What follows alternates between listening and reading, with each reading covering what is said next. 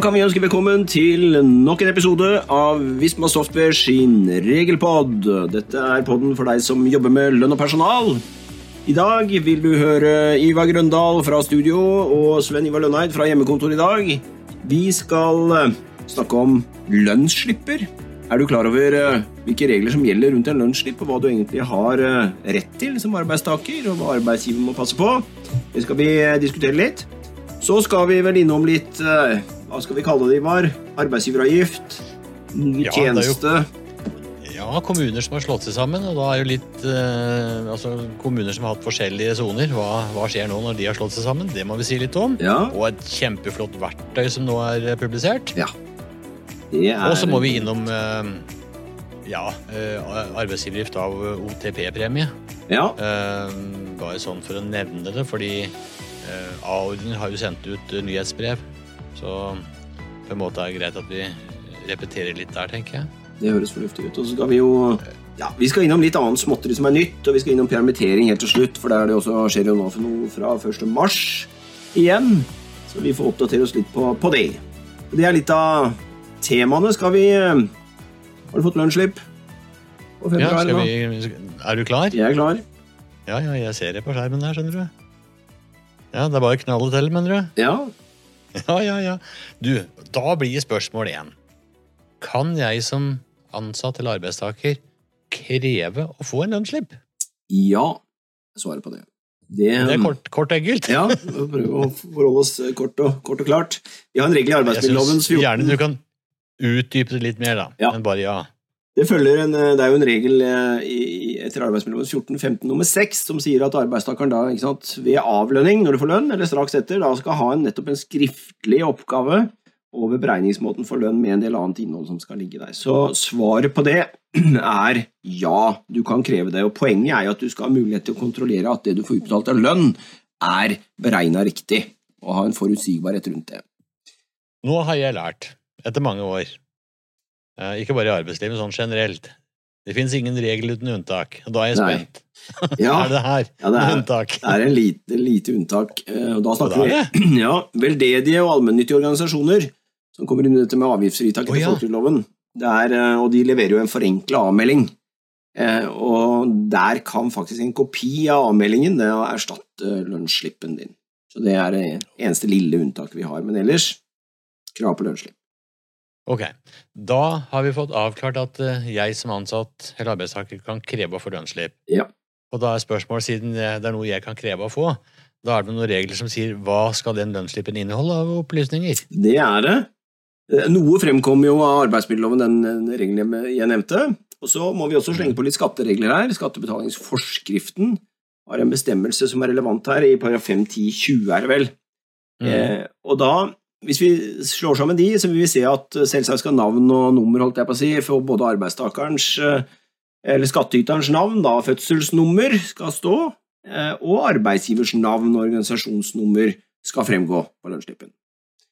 Og så kommer vi jo til det som utbetales, ikke sant? Og da skal den ene delen bestå av lønna di, brutto lønn, skal altså størrelsen på brutto lønn skal fremgå på lønnsslippen, naturlig nok. Eh, Beregningsmåten, altså hvordan kommer man fram til det beløpet, det må fremgå. Eh, Det kan være avtalt månedslønn, ikke sant, Eh, som da er det beløpet vi, vi eh, viser til arbeidsavtalen om vi vil, for å finne at det er det jeg har krav på. Eller så kan det være timelønn, gang, altså med en timesats gang antall timer, eller hvordan man nå beregner. Men beregningsmåten skal fremgå, så jeg skjønner Ja, og, ja. hva jeg får og da vil jeg brekke inn der, fordi da er det viktig å ha med seg at naturalytelser, f.eks.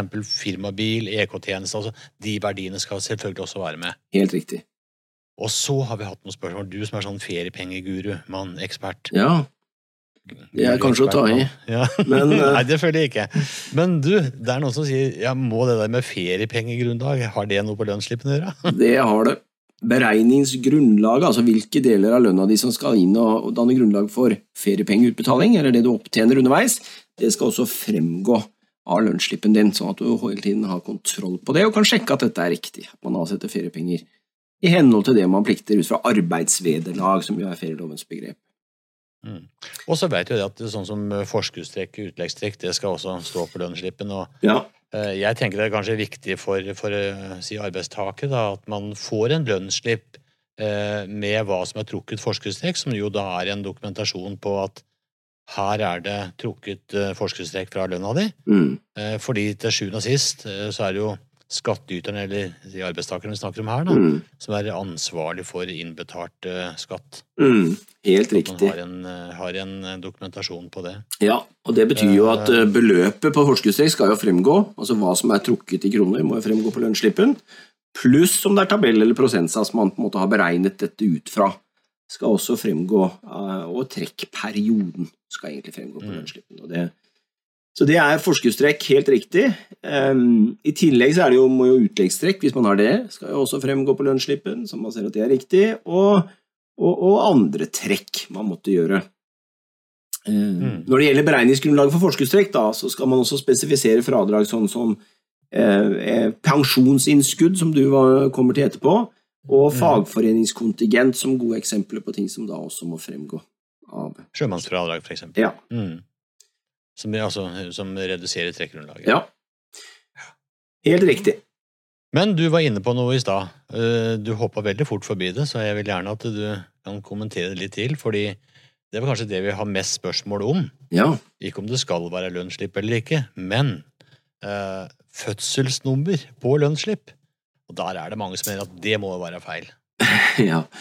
Ja, altså Lønnsslipper de har jo i mange tilfeller så det er jo en, inneholder de det vi kaller særlige personopplysninger, og en rekke personopplysninger, egentlig, og det trigger jo disse GDPR-lovgivningene vår med en gang.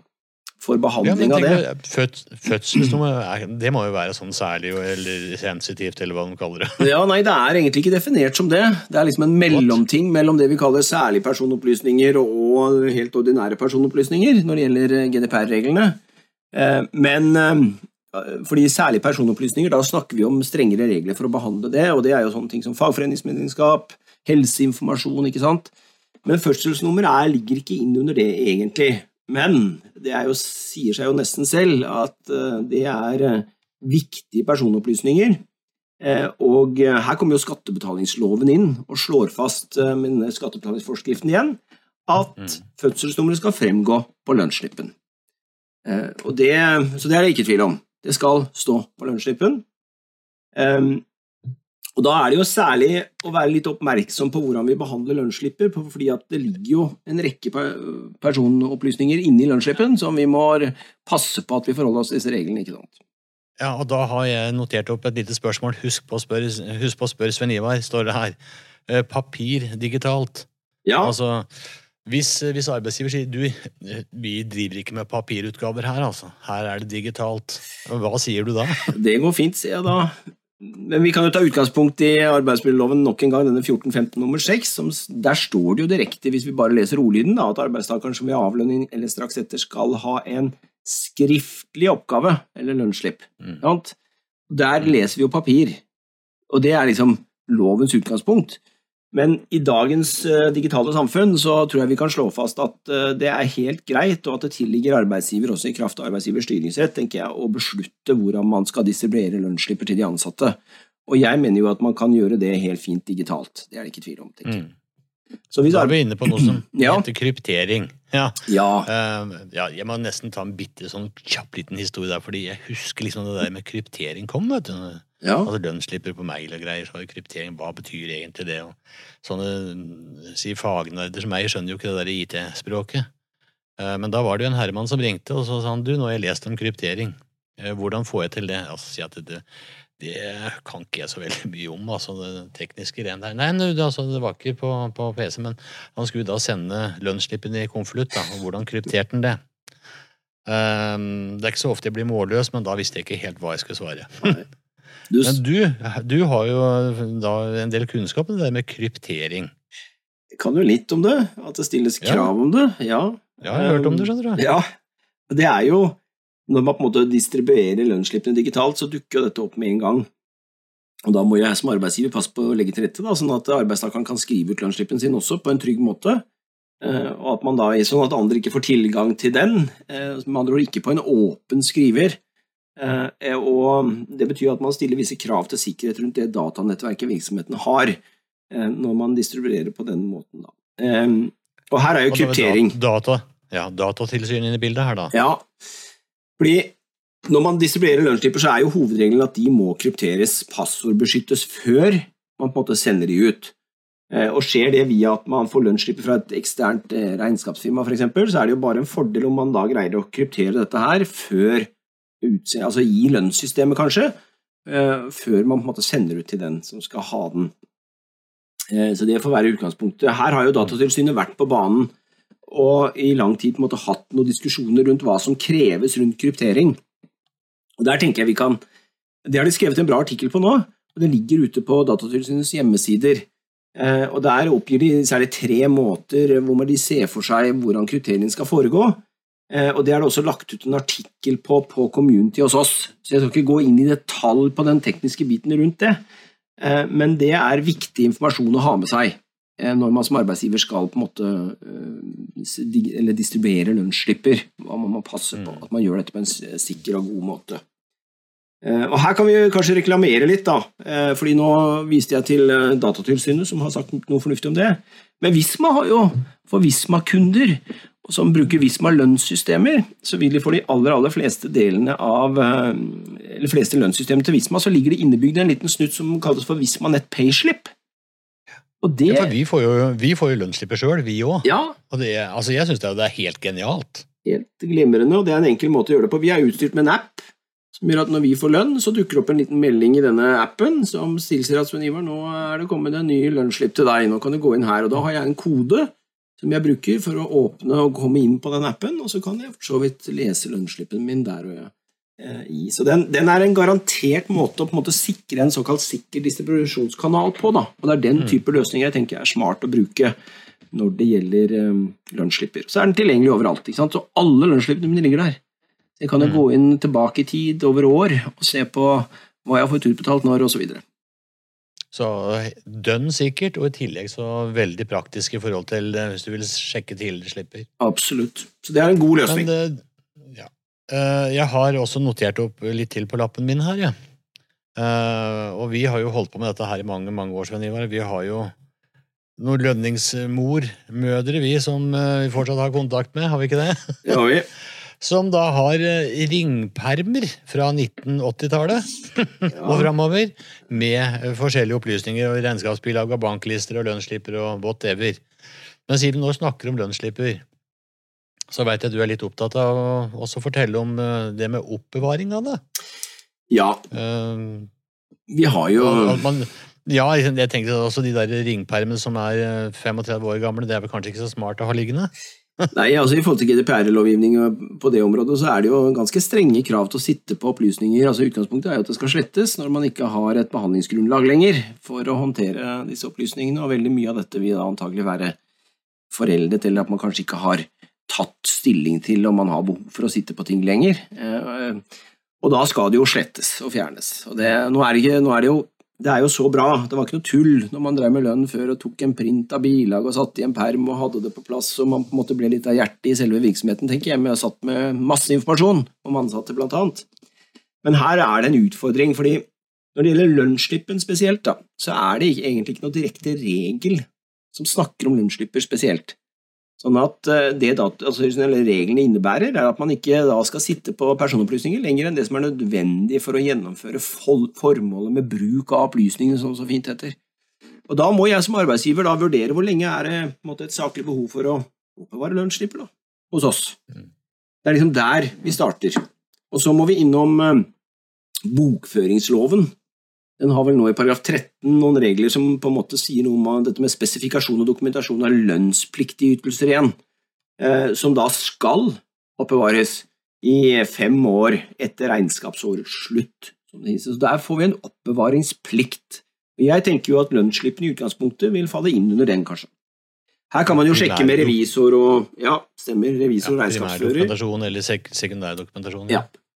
Og da må man jo ha et system som gjør at man oppbevarer det. Men skal man oppbevare utover disse lovbestemte eh, pliktene, da, så må man jo ha et annet behandlingsgrunnlag enn lov, sånn som her. Da må vi stille oss et spørsmål om har vi berettiget interesse, som det heter, for å sitte på lønnsslippene til de ansatte lenger, og gjøre seg en bevisst vurdering på det. Og og hvis den faller ut i at ja, det trenger vi, så har man kanskje gått klar av, av disse GDPR-reglene. Så, så, det er en del kjøreregler rundt det, men um, da er det hovedregelen. Det er jo viktig å, å ta tak i det og, og, tenke litt på Absolutt. hva er det jeg oppbevarer. Ja. Absolutt. Mm. Skal det være, da har vi vært innom flere ting rundt lønnsslipper. Um, skal vi gå videre til AGA, arbeidsgiveravgift, og ny inndeling av arbeidsgiveravgiftssoner, og dette nye verktøyet som har kommet, som kan hjelpe arbeidsgiver ja. å få riktig sone? Ja, det, det, vi har hatt fokus på så langt, da, det er jo ambulerende virksomhet. Ja. At man ikke kan bruke lavere sats f.eks. ved hjemmekontor nå fra januar 2022.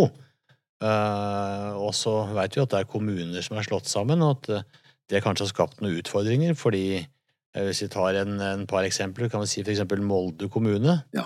som nå har fått innlemmet eh, noen kommuner rundt seg, f.eks. Midtsund, som er sone 2, eller var sone 2, eh, som nå er innlemmet i Molde, som er i sone 1. Så er det sånn at Midtsund fortsatt er sone 2, ja. selv om det tilhører Molde i sone 1. Og det betyr at vi har tilsvarende også nede i Stavanger og Hjelmeland. Ja. Og det finnes flere. Altså der hvor du har uh, forskjellige soner innenfor en kommunegrense. Mm. Uh, og det har jo aldri vært tidligere. Og da kan du være litt usikkert på ja, hvem sone skal jeg bruke. Og da er det noe som heter norgeskart.no. Ja. Det er vel da utviklet av uh, Statens kartverk, eller Kartverk som det heter. Mm. Ja, og Da kan du gå inn på kommuner, men der kan du også helt ned på gateadresse, eller altså firmaets adresse. Legge inn den, Uh, klikke på noen knapper, og så kommer det opp hvem sone som bedriften tilhører. Det er jo genialt. Så genialt, ja. Uh, at noen har fått til, fått til, en sånn løsning. Veldig bra. Ja, Den syns jeg, jeg, var helt genial. Vi har jo lagt ut en artikkel på dette også på Community, hvor link ut til eh, både Kartverket og tjenesten og det hele. Ja, det stemmer. Så Gå inn der og titte på det. Ja. Den anbefaler vi faktisk. Helt gratis å bruke. Smart. Mm -hmm. Supert. Eh, siden vi er inne på AGA, da, Ivar. Hva med dette med premie til OTP og beregning av arbeidsgiveravgift? Er, eh, er det noe greier? Ja, Litt grunn til at vi valgte å ta med sånn liten snutt om det akkurat denne gangen, vi har snakka om det før, eh, er jo fordi A-ordningen har sendt ut nyhetsbrev. Eh, og i det nyhetsbrevet så står det at det er ganske mange arbeidsgivere som prøver å redusere AGA-grunnlaget med ansattes egenandel når de kjører lønn. Ja, altså den lønnsarten du bruker for å trekke ansattes egenandel til OTP, eh, den skal ikke redusere avganggrunnlaget. Det får du ikke gjort i, i vår, vårt lønnssystem.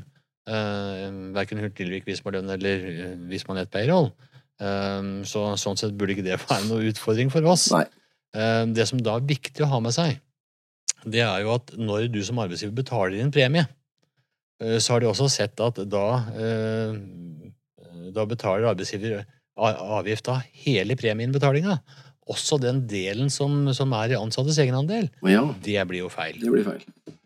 Så punkt én, eh, ikke redusere AGA med det som trekkes via lønn. Mm. Men når du betaler inn premien, så skal du bare beregne AGA av arbeidsgivers tilskudd. Sånn at man holder utenfor de ansattes uh, egenandel. Ja. Mm. Viktig presisering. Bra. Hva med ja, HMS-kort på Community? Har du lagt ut en artikkel om det? Eh, ja, vi bare tok med det vi så. Eh, for de som vil lese mer om det, så ligger det en artikkel ute på eh, eller vi har lagt inn på Community, men da med lenke selvfølgelig til Arbeidstilsynet sine sider. Ja. Fordi i 2017 så ble det en endring i folkeregisterforskriften som sier at D-nummer, altså D-nummer, det gis til utenlandske arbeidstakere som har korte perioder i Norge. Som ikke er skattemessig bosatt i Norge, som det heter. Og for å unngå si, misbruk av D-nummer, så bestemte man da i 2017 eh, at det kun skal være gyldig i fem år. Og nå er det jo fem år siden 2017, eh, og det betyr at nå er det masse D-numre som blir ugyldig. Ja. Og det betyr at da vil også HMS-kortene være ugyldige. Så det man nå har sagt i Arbeidstilsynet, at uansett, HMS-kortene er gyldig ut september. Det som da er viktig, er jo at eh, de som da får ugyldig D-nummer, at de må møte opp på nytt fysisk for å få eh, aktivert D-nummer igjen. Men altså HMS-kortene er uansett gyldig ut september. Bra. Mm. Um, Ja, det trenger vel ikke å si noe mer om det, men dette gjelder også innenfor bygg og anlegg og renholdsbransjen, da, Ja. som må ha, ha de HMS-kortene. Men uh, vi nærmer oss oppløpssiden på covid-19, er det noen som sier. Mm. Det har vært mange forskjellige varianter, både med sykepenger og lønnsstøtteordninger og alt. Men noe av det som kanskje har vært mm, veldig mye snakk om, det er jo permitteringer, og som det har vært øh, Jeg skal ikke si fram og tilbake, men det har vært liksom endringer hele veien. Mm. Uh, og da tenkte vi, eller jeg, rettere sagt, jeg har på lappen min her igjen, husk på å si, Sven Ivar, kan du dra oss igjennom nå hva er gjeldende regler på permittering eh, i uke åtte? Ja. Jeg tror ikke jeg skal ta hele permitteringsbiten, men eh, vi kan ta to datoer da, som er relevant nå. og Det er jo 1. mars, kommer til hva den innebærer, da får vi noe nytt, og 31. mars i år. Eh, Fordi vi har jo hatt, som du er inne på, disse midlertidige forlengelsene av altså hvor lenge kan en virksomhet dytte lønnskostnadene sine over på det offentlige i form av å bruke dette permitteringsverktøyet. og Der har vi jo forskjøvet på det, avhengig av hvordan coviden har utvikla seg over tid. Nå, de, nå har vi åpna opp igjen samfunnet, og de aller fleste på vei inn i arbeidet igjen, takk og pris. Eh, Og dermed så opphører jo denne på en måte muligheten til å permittere over tid nå, den forsvinner 31. mars, disse midlertidige reglene om forlengelse. Utgangspunktet er jo 26 uker i løpet av en 18-månedersperiode nå. Det er eh, liksom den maksperioden vi har. Eh, Og da Så 31. mars er en deadline for de som permitterte i 2020-2021, som har fått lov til å permittere over hele perioden fram til nå. Da forsvinner den. Så det er den ene.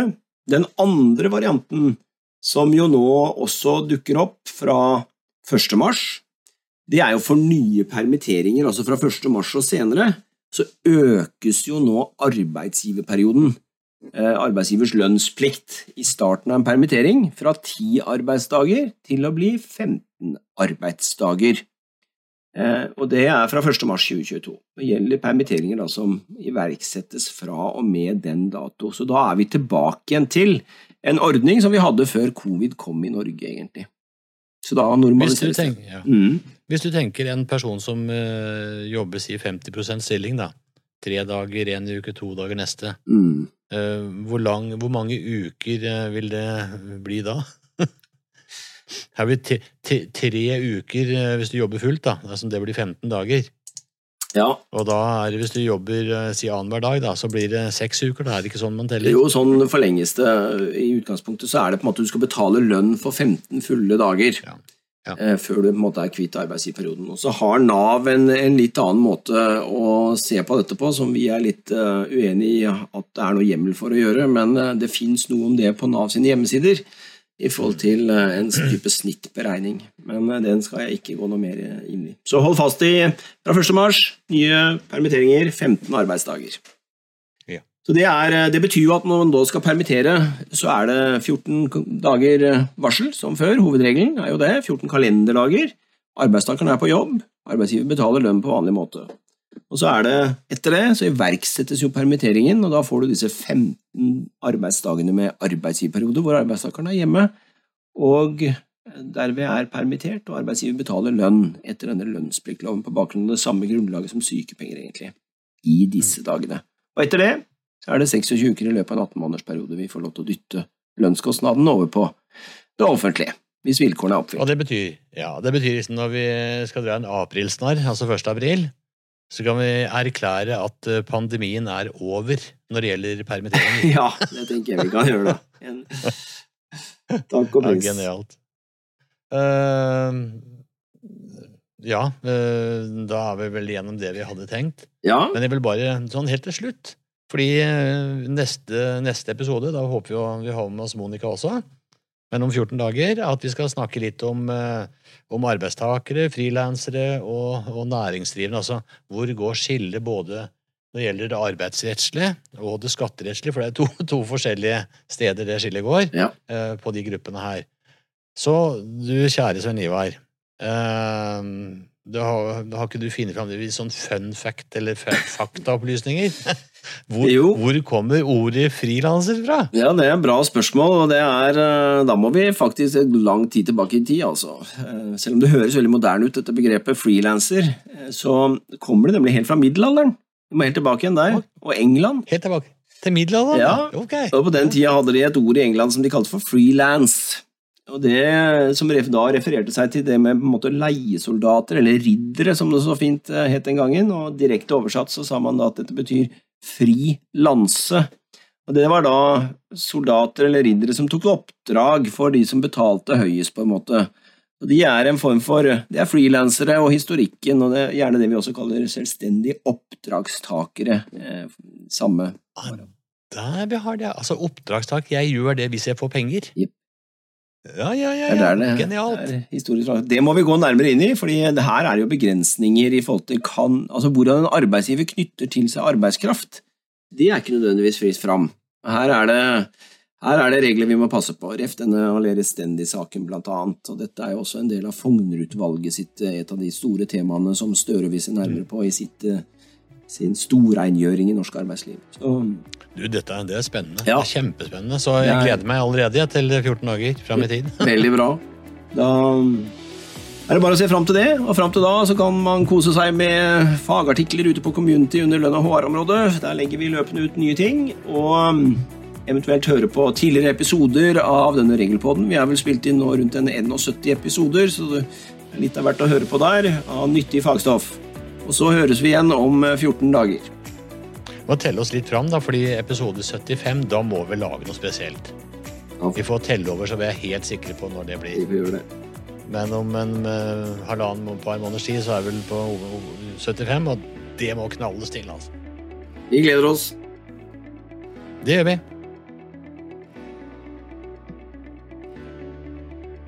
Ha en fantastisk uh, weekend.